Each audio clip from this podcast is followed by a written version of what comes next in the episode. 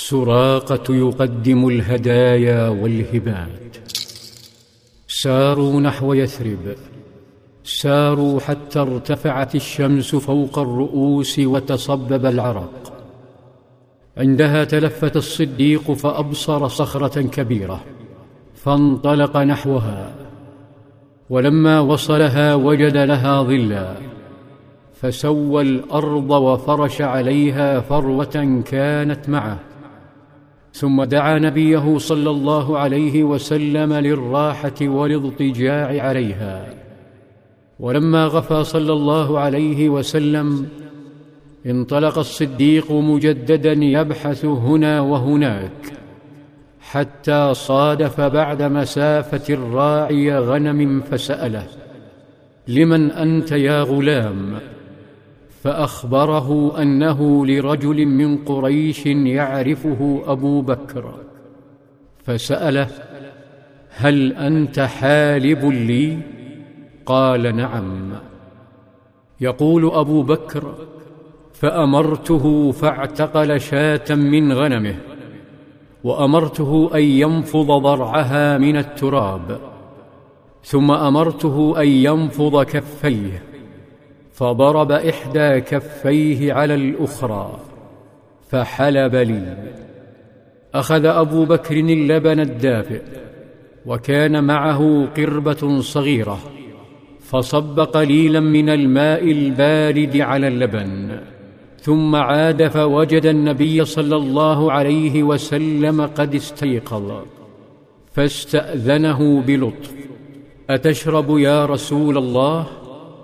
فشرب صلى الله عليه وسلم وشربوا. ولما مالت الشمس قال أبو بكر قد آن الرحيل يا رسول الله. فنهضوا وواصلوا رحلتهم.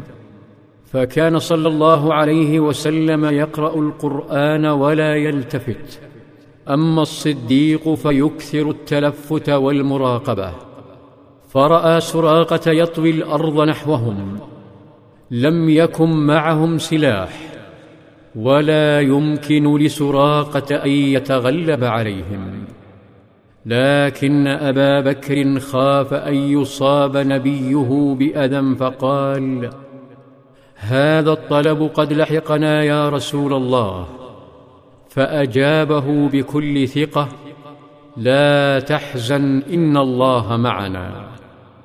لكن سراقة دنا منهم حتى سمع تلاوة النبي. كان أبو بكر ومن معه ينتظرون أوامره صلى الله عليه وسلم فلم يأمرهم بشيء فدمعت عينا أبي بكر. وقال هذا الطلب قد لحقنا يا رسول الله فتأمل صلى الله عليه وسلم دموع صاحبه وتساءل ما يبكيك؟ فقال أما والله ما على نفسي أبكي ولكن إنما أبكي عليك. فدعا صلى الله عليه وسلم بدعاء يقصم الجبارين فقال اللهم اكفناه بما شئت. اللهم اصرعه. فسمعوا حمحمة الفرس. فالتفتوا فرأوا شيئا مرعبا. الفرس غارقة إلى بطنها في الرمال. وسراقة يقفز عن ظهرها خائفا فزعا يصرخ يا محمد قد علمت أن هذا عملك. فادعوا الله أن ينجيني مما أنا فيه فوالله لأعمين على من ورائي من الطلب.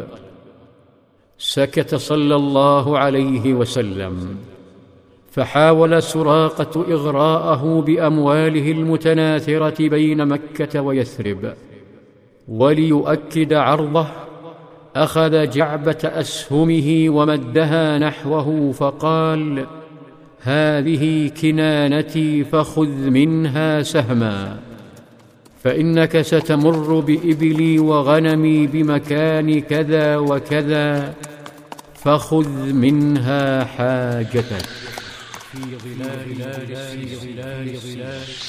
في ظلال في